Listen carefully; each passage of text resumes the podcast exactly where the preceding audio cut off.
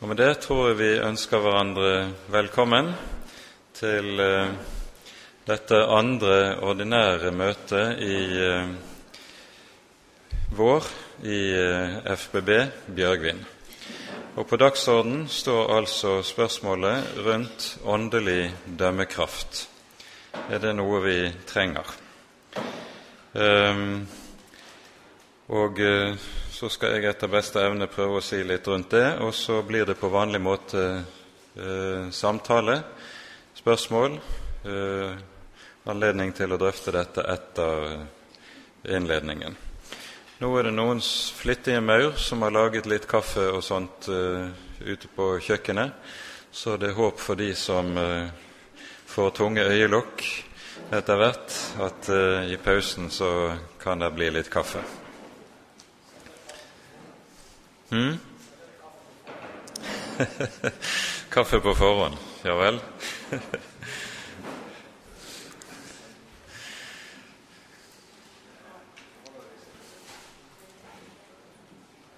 Da tror jeg vi bare gjør det sånn i all enkelhet at vi eh, folder hendene og ber for kvelden.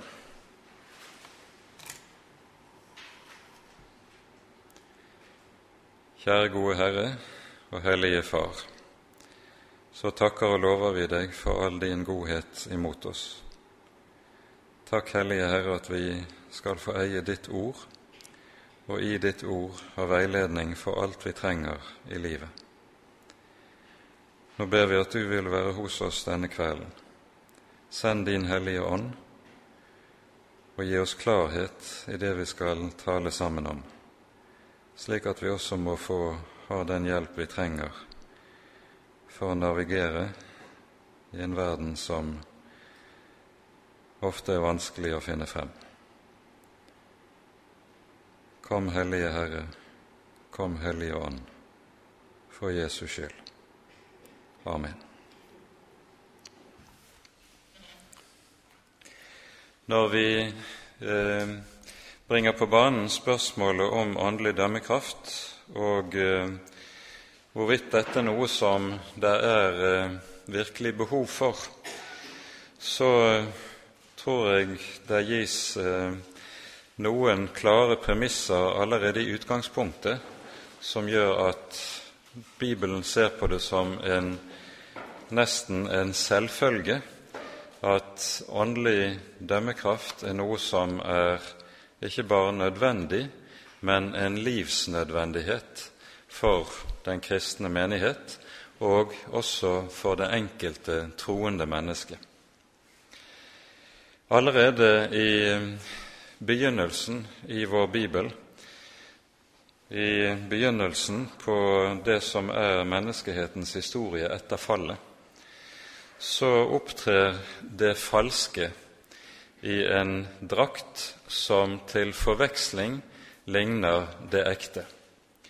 Vi har Kain som ofrer og Abel som ofrer, og ytre sett så er det ikke så helt enkelt å se forskjell på disse to. Og Nettopp dette trekket som vi her ser allerede på Bibelens første blad, det er noe som siden går igjen gjennom hele åndshistorien gjennom hele bibelhistorien.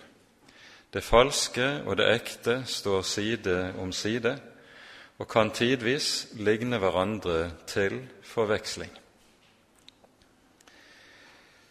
Ser vi et øyeblikk på vår egen tid, så har det vel ikke vært så rent få som har kalt vår tid for forvirringens tid kanskje mer enn noe eh, på svært, svært mange hundre år.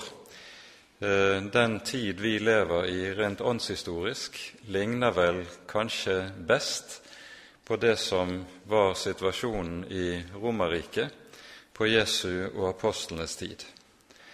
Det er på den tid du finner en tilsvarende pluralisme og mangfoldighet på livssynsområdet som ligner den vi opplever i vår tid. Og med den pluralismen så ligger det i bunn det som vi kaller for postmodernismen. Eh, postmodernismen det betyr det som kommer etter modernismen. Og Modernismen var jo kjennetegnet av en grunnleggende tro på menneskets fornuft. Mennesket skulle ved hjelp av sin forstand evne å finne frem til det som var sant og rett, og slik kunne navigere i livet og finne vei mot en bedre verden. Denne fornuftstro og fornuftsoptimisme som kjennetegnet moderniteten, og som kjennetegnet Europa fra frembruddet av opplysningstiden, den har fortapt seg. Og troen på at det skal være mulig å finne sann, sannhet, finne det som er rett, som en fellesnevner for mennesket, det er i all hovedsak oppgitt. Og så er Pilatus' spørsmål til den Herre Jesus når han vitner eh, på langfredag for ham. Jeg er dertil født og dertil kommet til verden for å vitne om sannheten. Hver den som er av sannheten, hører min røst. Til dette repliserer Pilatus, hva er sannhet? Det er et skuldertrekk som ligger i dette, og dette skuldertrekket er vel det som i all hovedsak også preger åndssituasjonen i vår egen tid. Hva er sannhet?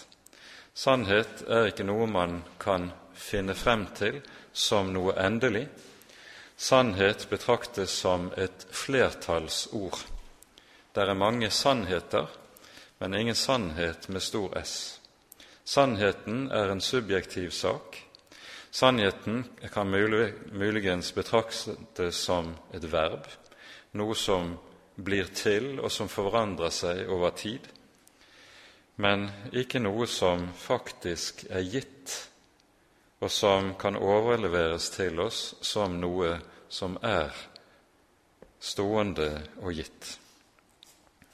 I denne åndssituasjonen opplever vi også en annet meget karakteristisk trekk som en av de kjente franske filosofer for, som representerer postmodernismen, Michel Foucault, eh, benevner når han sier det at dersom noen sier at noe er rett, dersom noen sier at noe er sant, da utøver de makt.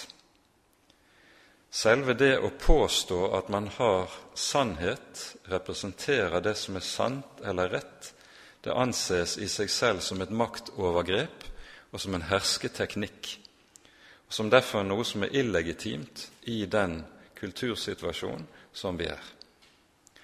Og Derfor er det som er idealet i eh, kultursituasjonen, det som gjerne kalles for diskursen. Det er den stadig pågående samtalen der man utvikler ulike ideer i denne eh, ideologiske samtale som skal pågå i, i samfunnet, og målet er ikke å finne sannhet, for det kan man ikke finne. Målet er bare å utvikle og bryne seg i møte med hverandre, og gjennom det kanskje bedre erkjenne hva som er sant for meg, men ikke for deg, og ikke for oss. Det er kultursituasjonen som vi lever i, og dette har jo i meget stor utstrekning også slått inn i kirkene.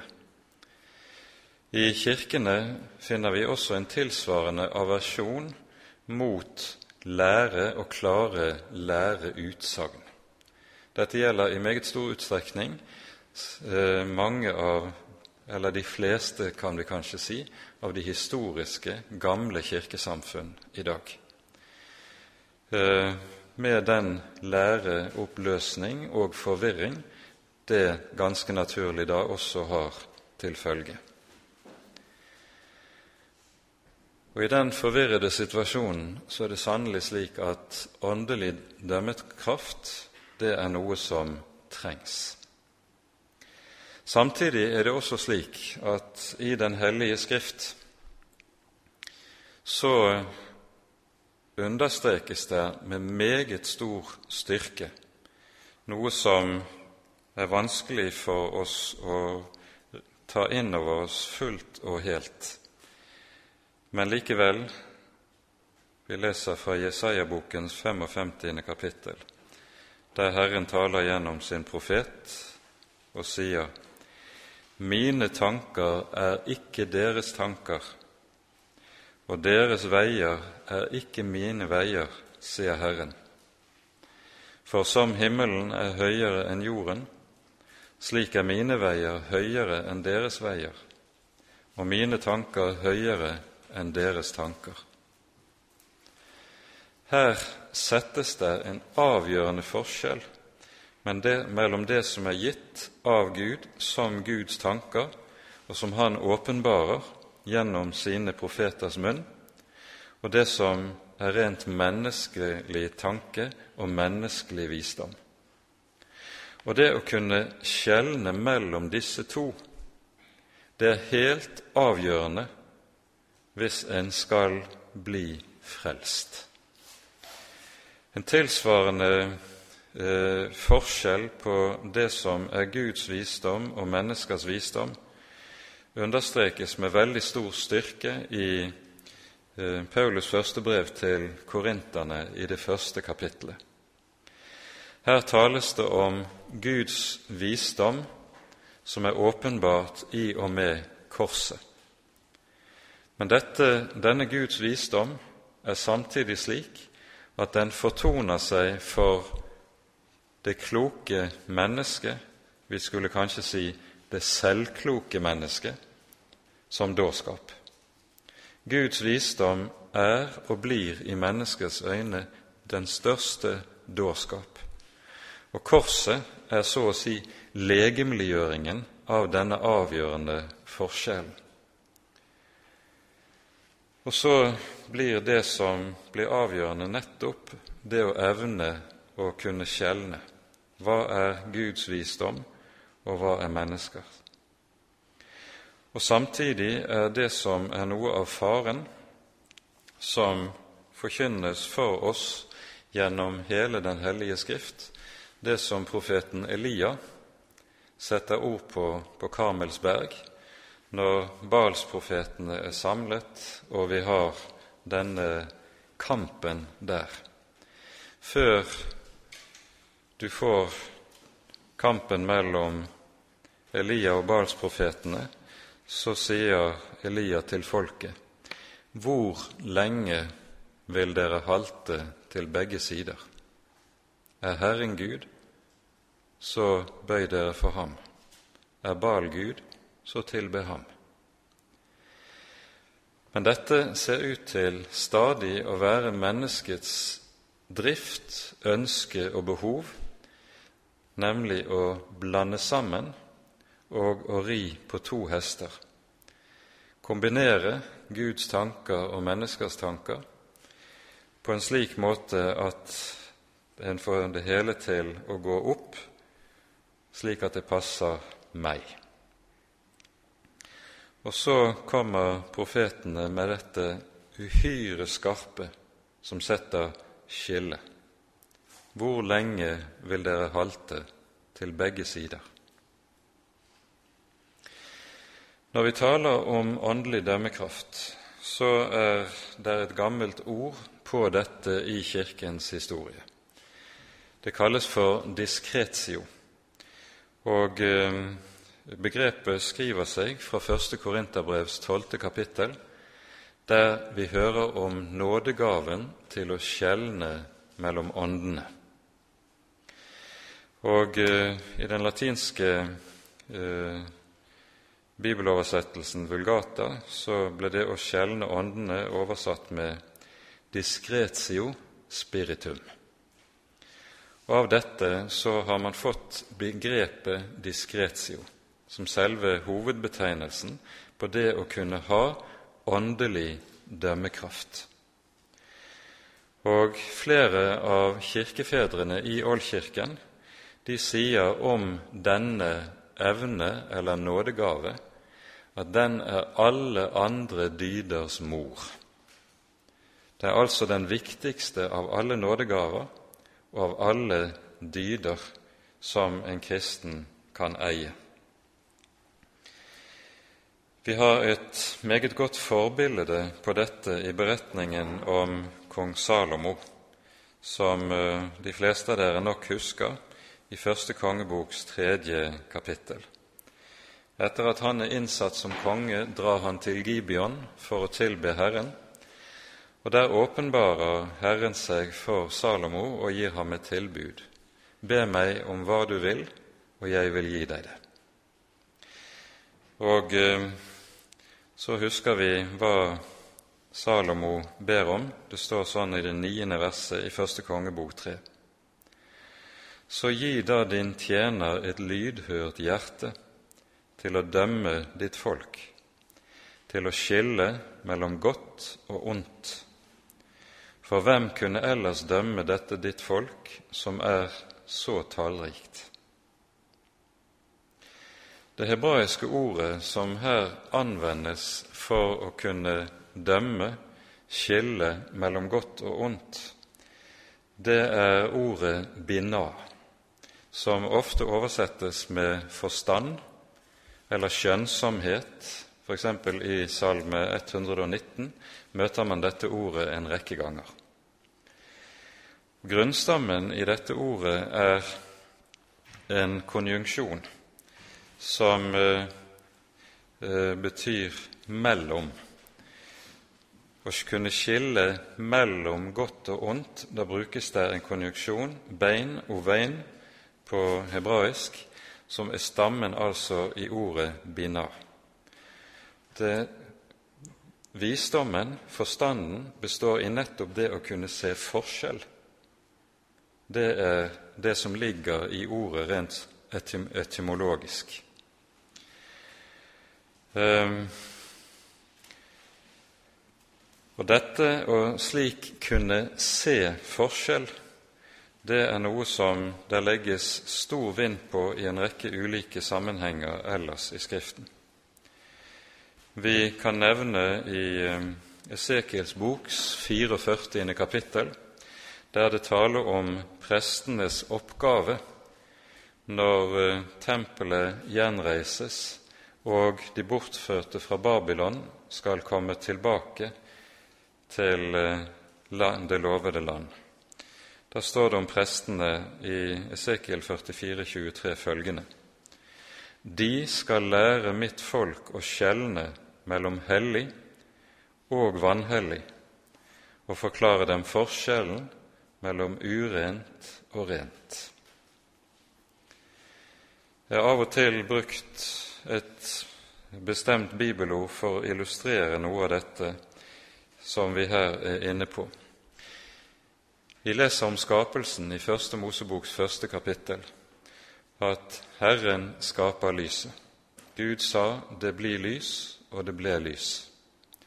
Og så lyder det i verset etterpå Og Gud så at lyset var godt, og Gud skilte lyset fra mørket. Og nettopp denne gjerning, at Gud setter et skille Han nøyer seg altså ikke med at, å skape, og frembringe noe, men han går inn også og gjør en ordnende gjerning i det han har skapt.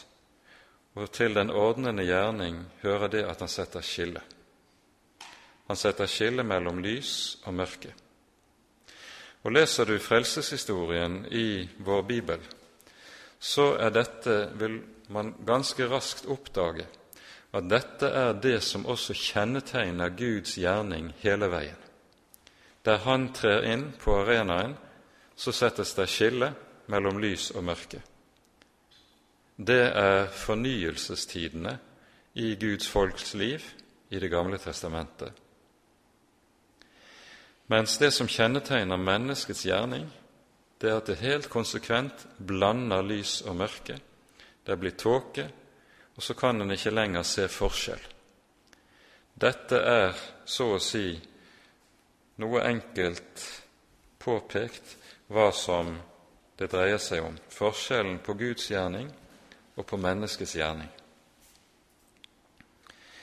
I Det nye testamentet formanes vi meget klart, direkte, til å prøve og, og til å bedømme ulike fenomener, ulike slags tale som, og forkynnelse som vi møter. Vi kan minne om 1. Tessalonikerbrevs 5. kapittel, der apostelen sier:" Prøv alt og hold fast på det gode. Og I 1. Johannes brevs 4. kapittel så sier Johannes til menighetene:" Dere elskede, tro ikke enhver ånd, men prøv åndene om de er av Gud, for mange falske profeter er gått ut i verden. Denne formaningen til å prøve det som man står overfor, og altså ikke ta altfor god fisk uten videre, det er noe som også er gjenstand for apostelens forbønn. Og Kanskje et av de aller mest sentrale ordene vi har om dette i Det nye testamentet, det er i Filippabrevets første kapittel. Her skriver Paulus om hvordan han ber for menigheten i Filippi, og han sier:" Dette ber jeg om, at deres kjærlighet må bli mer og mer rik på kunnskap og innsikt, slik at dere kan dømme om hva som er rett i de forskjellige spørsmål, for at dere kan stå rene og uten lyte til Kristi dag, fylt av rettferdighetsfrukt ved Jesus Kristus, Gud til ære og pris. Og her er det vi har det egentlige svaret på spørsmålet er åndelig dømmekraft noe som trengs. Det sies tydelig hensikten med nettopp dette å bli i stand til å dømme, det er for det første for at dere kan stå rene og uten lyte på Kristi dag. Det tenkes altså med det blikket rettes mot den store dommens dag, og at vi der skal svare Gud regnskap for våre liv. For det andre tenkes det på livet her i verden når det sies i vers 11 fylt av rettferdighetsfrukt ved Jesus, Christ, ved Jesus Kristus, Gud til ære og pris. Det er altså slik ifølge apostelens tankegang, at denne evne til å kunne skjelne og bedømme, det er også en forutsetning for at det kan bli rett frukt i det kristne liv. Og med andre ord dermed også en forutsetning for helliggjørelse, at den kan bli sunn og få en rett retning. Et annet sentralt bibelord i denne sammenheng finner vi i Hebreabrevet i det femte kapittelet. Her eh, skriver Hebreabrevets forfatter som, eh, om hvordan det er blitt meget vanskelig å forkynne en del av de sannheter som eh, holdes frem nettopp i Hebreabrevet. Fordi Hebreerne er åndelig umodne. Og Så sies det i vers 13 og 14 i dette kapitlet Den som ennå får melk, er ukyndig i rettferdighetsord. Han er jo et barn. Men fast føde er for voksne, for dem som ved bruken har oppøvd sine sanser til å skille mellom godt og ondt. Her tales det altså om at det å kunne skjelne, det er et spørsmål om åndelig modning. Det som kjennetegner de som er som åndelige barn, altså åndelig umodne, det er nettopp at de er ute av stand til å skjelne og bedømme rett. Og Derfor har de ikke det som her sies. De har sanser som ved sin bruk er oppøvet til å skille mellom godt og ondt. Her er det tale om en åndelig erfaring i Guds ord. For du kunne stille spørsmålet hva slags bruk er det det her tales om? Jo, det tales jo om bruken av Guds ord. Og gjennom bruken av Guds ord så øves sansene opp, så modnes en gjennom at ordet også får gjøre sin gjerning inn i livet, og så gis det evne til å skille mellom godt og ondt. Når dette eh, sies slik, så henger jo det sammen med det faktum at det ligger nedlagt i oss mennesker at i alle situasjoner så opptrer vi slik at vi bedømmer ting. Og Det er en hel rekke forhold som vi står overfor i livet, som vi møter, som vi bedømmer rent instinktivt, ofte uten å reflektere videre gjennom ting. Så ting du møter, bedømmer du til dels ganske spontant, og du spør deg ofte meget sjelden hvorfor bedømmer jeg akkurat dette slik, denne personen slik, disse tankene som jeg her stilles overfor, hvorfor bedømmer jeg dette slik? Det skjer raskt, det skjer instinktivt, ofte helt spontant. Denne naturlige menneskelige bedømmelse, det er den som så å si når vi taler om åndelig dømmekraft, byttes ut, slik at det gis et annet grunnlag å bedømme ut fra enn mine spontane, naturlige menneskelige reaksjoner, som er hentet fra arv, miljø, oppdragelse, alle mulige forhold som jeg er vokst opp med, mine subjektive preferanser i den ene eller den andre retningen. Umodne kristne vil ofte bedømme ting som de stilles overfor, ut fra slike subjektive kriterier som de har med seg i bagasjen fra sitt gamle liv, sitt liv som uomvendte. Men til modningen i troen, veksten i troen, hører at den naturlige menneskelige bedømmelsen så å si gradvis byttes ut, slik at en får nye kriterier til å bedømme det en stilles overfor og ansikt til ansikt med. Og Dette vil gradvis komme til å bli slik i et modent kristent menneskes liv at alle ting bedømmes ut fra og på grunnlag av hva Guds ord sier alle ting. Dette er noe som i særlig utstrekning er nødvendig for de som er satt til å ha ansvar for å forkynne Guds ord og lede den kristne menighet. Men samtidig så er det noe som alle troende kristne trenger, og som i sin urform er nedlagt i et troende menneske, så sant det er kommet til en levende tro på et sant liv på Herren Jesus. Vi hører om dette i Johannesevangeliets tiende kapittel. Her taler Jesus om denne bedømmelse i sin urform. Det er i kapittelet om den gode hyrde, og så sies det om uh, hvor dørvokteren åpner døren for hyrden, og så står det videre fra vers 3 og 4. Fårene hører hans røst, hyrdens røst, og han kaller sine får ved navn og fører dem ut.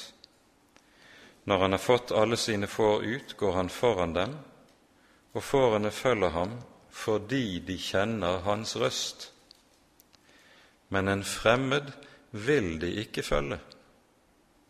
De flykter fra ham fordi de ikke kjenner de fremmedes røst. Dette er en, så å si,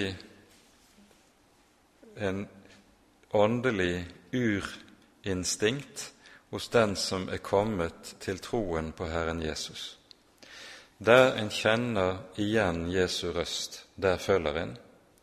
Der en ikke kjenner igjen Jesu røst, der flyr en. Dette er altså noe som også skal ligge nedlagt i ethvert troende menneske. Og vi har også en forbildefortelling til dette, gitt oss i Det nye testamentet, nemlig i apostelgjerningenes 17. kapittel. Her hører vi om menigheten i Berøa. Paulus har kommet til den lille byen Berøa etter å ha vært drevet bort fra Tessaloniki, der han var mishandlet. Og eh, så forkynner han evangeliet også der. Og så står det i vers 11 om reaksjonen på Paulus' forkynnelse i synagogen i Berøa. Disse var av et edlere sinn enn de i Tessalonika. De tok imot ordet med all godvilje og gransket hver dag i Skriftene om det forholdt seg slik som det ble sagt dem. Det det taler om her, det er at det er en gruppe mennesker som tar nettopp det å prøve alt på alvor. Og Det vi legger merke til, er at her prøver de Paulus' forkynnelse ikke ut fra rent subjektive preferanser, likes og dislikes, men det prøves ut fra et meget bestemt kriterium. Stemmer dette overens med det som står skrevet? Og Dette er jo det grunnleggende kriterium når vi taler om alt som har med åndelig dømmekraft å gjøre. Det er Den hellige Skrift som er så å si det objektive kriterium som alt skal prøves på. Alt i mitt eget liv og alt i det som jeg møter i verden omkring meg, og også i, det, også i Kirken, i det kristne liv, som vi står overfor. Vi eh, møter i, innenfor kristenheten i dag en veldig forvirring. Allerede for hundre år siden er det en anekdote fra Sverige. Det var en relativt ung og nyordinert prest som på et prestemøte kom til å spørre sin biskop følgende hvorfor det var så mye ugreie i kristenheten, så mye forvirring, så mange retninger, så mye vranglære. Biskopen smilte stille og sa alltid velment. Alltid velment. Og det er ganske tankevekkende svar. For svært ofte, ja, regelmessig må vi vel si det slik, at alt det som er galt, enten det taler om vrang lære eller andre ting som fremmes innenfor kristenheten, så fremmes det alltid under det at det er velment. Det er ikke mennesker med ond vilje som ønsker å ødelegge. Tvert om, det er ofte mennesker som med den beste vilje tenker at dette må nå være veien å gå for kristenheten. Og I dette ser vi også noe som er ganske karakteristisk i, innenfor vår tids kristenhet når det gjelder den liberale teologi, med hele dens bibelkritikk, så er jo den vokst frem under slagordet at en vil lage en kristendom som passer det moderne mennesket.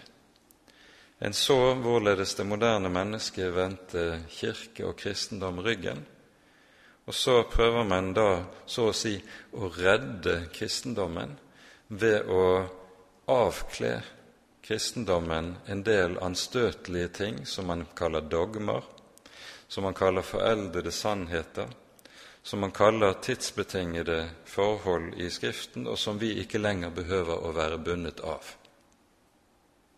Man behøver ikke å tro på jomfrufødselen. Et menneske som tenker vitenskapelig, kan jo ikke tro, tro på den slags eventyr, osv. En behøver ikke å tro på verken det ene eller det andre eller det tredje for å kalle seg som en kristen. Slik søkte den liberale teologi liksom å redde kristendommen i møte med den moderne rasjonalisme og frafall i de dannede kretser på slutten av 1700-tallet og begynnelsen av 1800-tallet. Noe av det samme ser vi i vår nyere tid, og da på andre områder. Da vil man redde kristendommen gjennom å modernisere den. Og Moderniseringen skal nå skje gjennom arbeidsformer, musikkformer, der man kaster ut det aller meste av det som er Kirkens gamle tradisjon, f.eks. i gudstjeneste, i liturgi, i salmeskatt osv., for alt slikt det er jo slikt som det moderne mennesket ikke kan forholde seg til. Man lager en kristendom som passer det moderne mennesket. Man skal redde troen ved å modernisere den. Alltid velment. Alltid velment. Og så er man ikke oppmerksom på at man kaster barnet ut med badevannet. I 1933, da Hitler var kommet til makten, så stilte Dietrich Bonhoeffer, en av de få eh, lutherske teologer av format som virkelig evnet å stå opp imot nazismen. Så han stilte følgende spørsmål. Hva skal en teologistudent gjøre nå? Bonhoeffer svarte som følger han skal bruke sitt teologiske studium til å forberede seg på å kunne prøve åndene i Kirken. Og sannelig var det noe som var nødvendig. Det er vel noe tilsvarende vi står overfor og som vi vil trenge i den tid som vi står overfor. Nå er det også slik vi skal prøve å se litt på noen kriterier som kan være avgjørende når vi taler om åndelig dømmekraft. Men før vi går dit hen, så tror jeg vi skal stanse opp for et par ting som vår bibel peker på som er hindringer for sunn åndelig dømmekraft. Og Her vil vi først peke på det som står i Romerbrevets tolvte kapittel.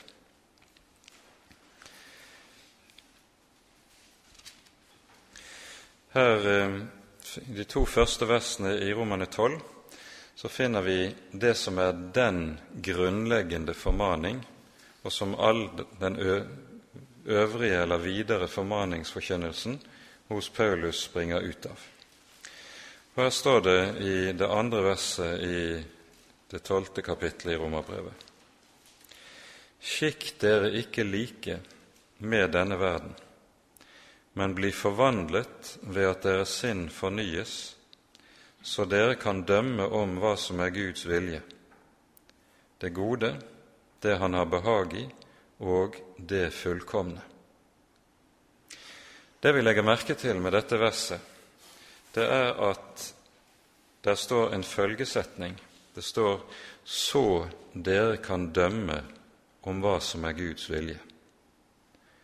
Altså, dømmekraft er en følge av noe annet. Skikk dere ikke like med denne verden.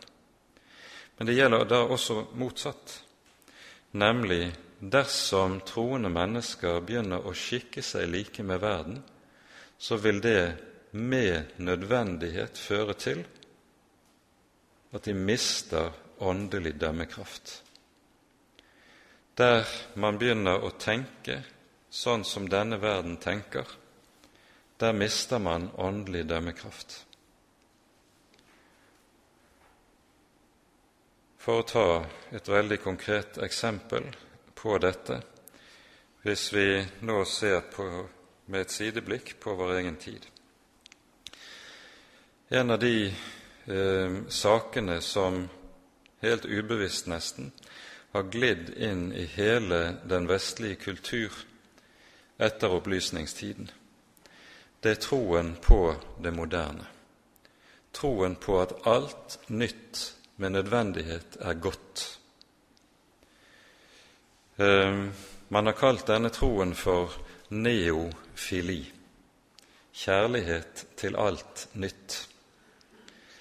Og Denne neofilien den gjør seg jo i høy grad gjeldende innenfor den sekulære kultur. Eh, honnørordene i denne sammenheng er jo hvis noe er kreativt, hvis noe er originalt, hvis noe er nyskapende, da er det vel verd å stanse opp for. Men har man hørt det før? Er det noen som kommer med slikt som eh, er uoriginalt, da er det det mest negative stempel en kan få på seg neofilien.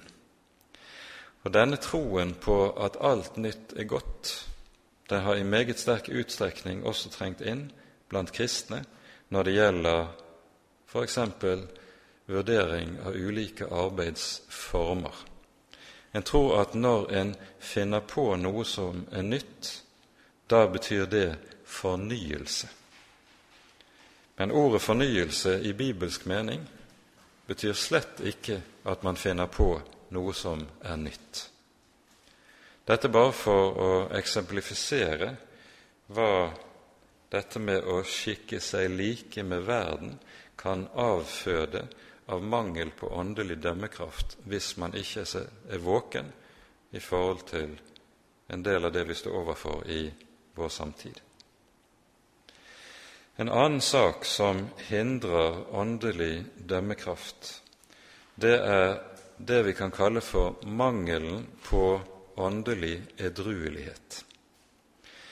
Der vil vite alle sammen at formaningen til edruelighet er noe som dukker opp meget hyppig i brevlitteraturen i Det nye testamentet. Men det er helt åpenbart i en rekke av disse sammenhengene at denne formaningen ikke sikter til eh, avhold i forhold til alkohol primært. Det gjør det også i noen sammenhenger, for all del. Men det sikter til åndelig edruelighet. Det har alltid vært slik gjennom kirkehistorien at det er enkelte mennesker og enkelte åndelige retninger som kan komme til å bli åndelig overspent på en måte som vi kaller det av og til overåndelighet, som er dypt usunt, og som også kan Man ser ofte at det ledsages av psykiske eller psykiatriske tilstander, eller kan få den typen konsekvenser.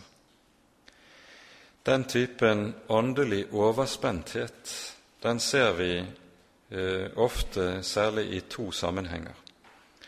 En ser det for det første i forhold til talen om de siste tider og de siste ting. Der kan man ofte se en del kristne mennesker gå helt av skaftet og miste all åndelig kritikk i møte med en del som man kan stå overfor på det området.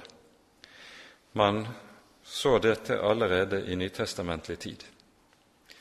Ann Tessalonika-brev er skrevet til menigheten i Tessaloniki nettopp foranlediget av at det var dukket opp predikanter som talte om Jesu gjenkomst på en sånn måte at de gikk fra sans og samling der i menigheten. Noen sluttet å arbeide, for de tenkte Jesus kommer jo snart, hva skal jeg da med arbeidet? Noen gikk opp på fjellene for der å stå og vente på ham når han kom i herlighet, osv., osv. Og så heller Paulus kaldt vann i blodet på dem. Husker dere ikke at jeg sa til dere allerede jeg, mens jeg var hos dere, at først måtte så og så og så skje? Han heller kaldt vann i blodet på dem. De trenger åndelig edruelighet. Det annet området hvor man ofte opplever denne mangel på åndelig edruelighet, det er innenfor karismatikken. Der finner man også meget ofte en type åndelig overspenthet og åndelighet som fullstendig er ute av stand til å bedømme. Bare noe kan bære navn av at det har eh, Den hellige ånds kraft i seg, da er man med. Hvordan det enn ser ut, hvor gale det enn er om det er gullstøv som drysser nedover forsamlingen, eller om det er en predikant som sparker gamle damer i ansiktet, som man har hørt om de senere år. Det er jo Åndens kraft som gjør seg gjeldende, og så er man ikke i stand til å se forskjell, si 'her er det noe som er galt'. Og Dette henger nettopp sammen med mangel på åndelig edruelighet. Legg merke til i brevlitteraturen den sammenhengen Paulus ofte taler om åndelig edruelighet i.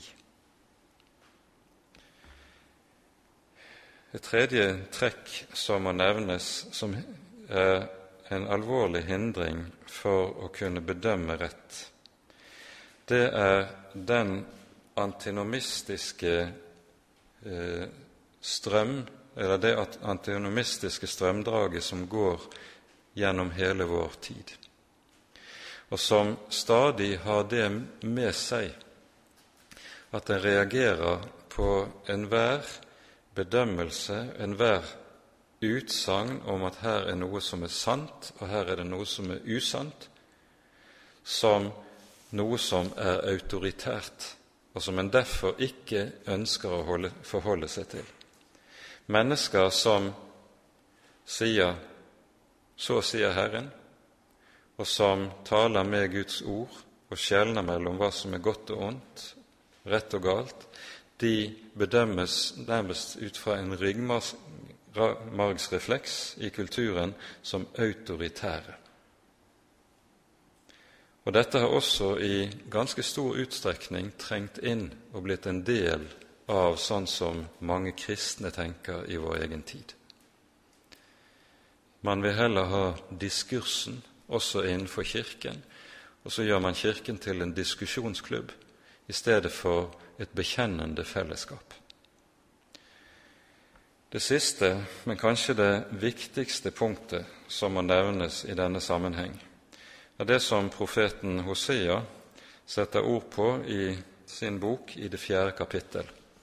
Der sier han:" Mitt folk går til grunne fordi de ikke har kunnskap. Avgjørende for, og det som er mest avgjørende for i det hele tatt å kunne ha åndelig dømmekraft, det er det å ha kunnskap, nemlig bibelkunnskap. Fortrolighet med Guds ord er det som er det mest avgjørende for å kunne bedømme ting som vi står overfor, og som man kanskje umiddelbart kan være usikker på hva en skal tenke om. Fortroligheten med Guds ord er forutsetningen for å kunne si eller kjenne Herren. Jesus sier jo at dette er det evige liv, at de kjenner deg, den eneste sanne Gud. Og ingen som ikke kjenner Skriften, kan kjenne Gud. Det hører med nødvendighet sammen. Og Dermed er vi kommet til noen punkter som jeg vil understreke som er nødvendige for å kunne bedømme rett. Det er punkt Jeg har listet opp fire punkter, og det er for det første punkter som, to punkter som går på rent saklige ting, og de to siste punktene går på personlige forhold. Og jeg tror begge deler er like nødvendige. Det første har vi allerede vært inne på. Det er avgjørende for å kunne bedømme rett å kjenne Den hellige Skrift og være fortrolig med Den hellige Skrift. Og Da menes det fortrolig i ordets grunnleggende betydning. En slik fortrolighet er ikke noe som kommer på én, to, tre. Det er noe som vokser gjennom årene, gjennom årenes stadige lesning med og arbeid med Guds ord.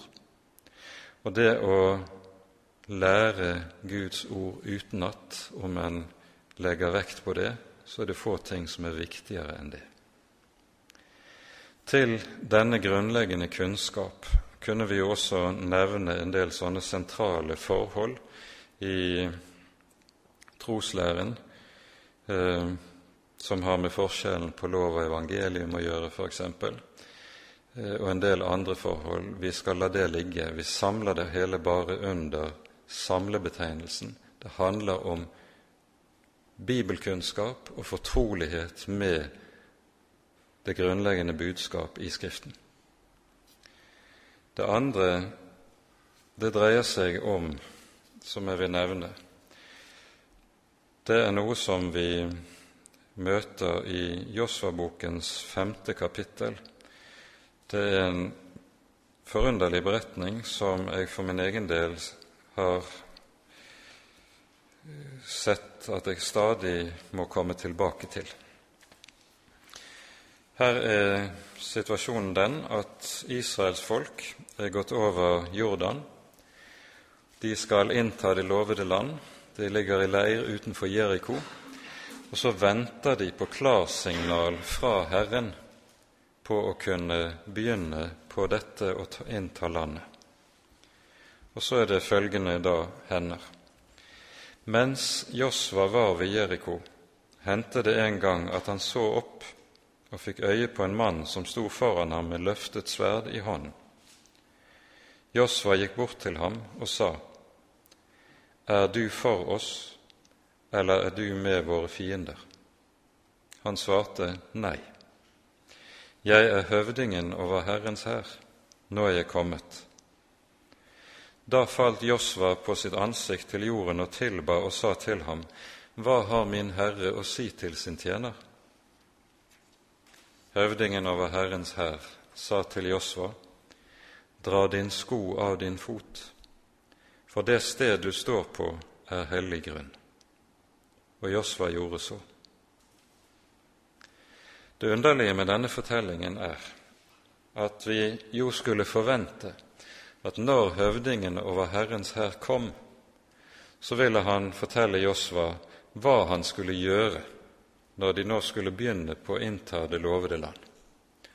Jo, nå skal du gjøre sånn, og så skal dere gjøre sånn, og så må dere endelig ta dere i vare for sånn og sånn. Men ingenting av det sies. Det eneste som sies, det er at han presenterer seg selv. 'Jeg er høvdingen over Herrens hær. Nå er jeg kommet.' Og så 'Dra din sko av din fot, for det sted du står på, er hellig grunn'. Hva dreier det seg om? Det dreier seg om det som er mest avgjørende, mer avgjørende enn alle retningslinjer som skulle si hva han skal gjøre eller la være å gjøre under landnåmet. Det mest avgjørende er at Josva skal vite hvem han har med å gjøre, hvem det er han står overfor i det som han nå står i ferd med. Han har med Israels hellige å gjøre. den levende og den hellige Gud. Og derfor dra din sko av din fot, for du står på hellig grunn. Det å vite hvem vi har med å gjøre når vi har med den levende Gud å gjøre, og at Han er den hellige, det tror jeg ikke minst i vår tid er noe av det mest fundamentale for å kunne skille og kunne bedømme ting rett. Idet vi nemlig står overfor et åndsklima der det å skulle popularisere alt også er blitt en del av det som vi møter innenfor den kristne kirke. Men her skal vi vite og være klar over at hellighet kan ikke populariseres uten at det opphører å være hellig. Dette gjør at jeg for min del ofte kan finne det f.eks. meget vanskelig å forholde meg til når man lager tegneserier av bibelfortellingene. En kjent for, sånn serie som har vært i bruk de senere år, Manga-Jesus, er uttrykk for noe av dette.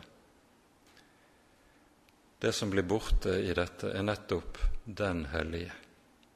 Det er velment, men en fordreier noe av det som er det sentrale og fundamentale i Skriften. Det er mye annet som kunne nevnes i denne sammenheng, men det er ikke det tid for. Jeg vil peke også på to ting som går på det som har med det personlige å gjøre når vi handler om åndelig dømmekraft. For at åndelig dømmekraft ikke skal bli dømmesyke og selvgodhet, bedrevitenhet, så er det helt avgjørende at et menneske har det for øye som Paulus minner oss om i første Korinterbrev særlig. Først peker vi på ordene i første Korinterbrevs ellevte kapittel, der det står sånn i vers 31 og 32.: Dersom vi dømte oss selv, ble vi ikke dømt. Men når vi blir dømt, da er det Herren som refser oss, for at vi ikke skal bli fordømt sammen med verden. Det å vite seg å stå under den hellige og levende Gud, som jeg selv skal svare regnskap for, det er noe som både skaper nøkternhet og sunnhet, og som forhindrer det å kunne bli en selvbevisst besserwisser. Få ting er mer usmakelige enn den slags. Paulus er inne på samme sannhet et par andre steder i Korinterbrevet. Først i kapittel 10, der han sier følgende.: Derfor, den som mener seg å stå, han ser til at han ikke faller. Og i det tredje kapittelet sier apostelen følgende.: La ingen bedra seg selv. Hvis noen av dere regner seg for å være vis i denne verden, la ham da bli en dåre, for at han kan bli vis. For denne verdens visdom er dårskap for Gud. Det står jo skrevet, Han fanger de vise i deres list. Det vi står overfor her, det er en helt avgjørende sak som eh, viser seg et når et menneske begynner å få med sann og levende kristen forkynnelse å gjøre. Hvis et menneske er kirkefremmed og gudfremmed, så vil alltid den første reaksjonen hos dette mennesket være at det nettopp stiller seg i et bedømmende forhold til forkynnelsen. En bedømmer forkynneren han har god stemme og dårlige stemmer, eller han har gode talegaver eller dårlige talegaver, osv., osv. En opptrer bedømmende. Men så kan det komme til å skje at Den hellige ånd får dette mennesket i tale. En blir rammet av Guds ord, og Guds ord begynner å gjøre sin gjerning i dette mennesket. Og Da skjer det noe radikalt. Da går dette mennesket over fra å stå i et bedømmende forhold til forkynnelsen, til at forkynnelsen begynner å være det som bedømmer ham. Jeg blir bedømt. Og det er den avgjørende overgang om et menneske skal bli et Guds barn og et troende menneske, at det går over fra å være bedømmende til å bli bedømt. Og det å kunne ha åndelig dømmekraft, det er betinget av, hvis det skal være rett, det er at en vet seg nettopp å være en som er bedømt av den levende Gud. Uten det så blir det bare selvgodhet. Det siste personlige kriteriet som ligger i dette, som også må nevnes, er den bønnen som vi leser i Salme 86. Og Det får være det siste vi er inne på i denne sammenheng. Salme 86 står det sånn i vers 11. Lær meg, Herre, din vei. Jeg vil vandre i din sannhet. Gi meg et udelt hjerte til å frykte ditt navn.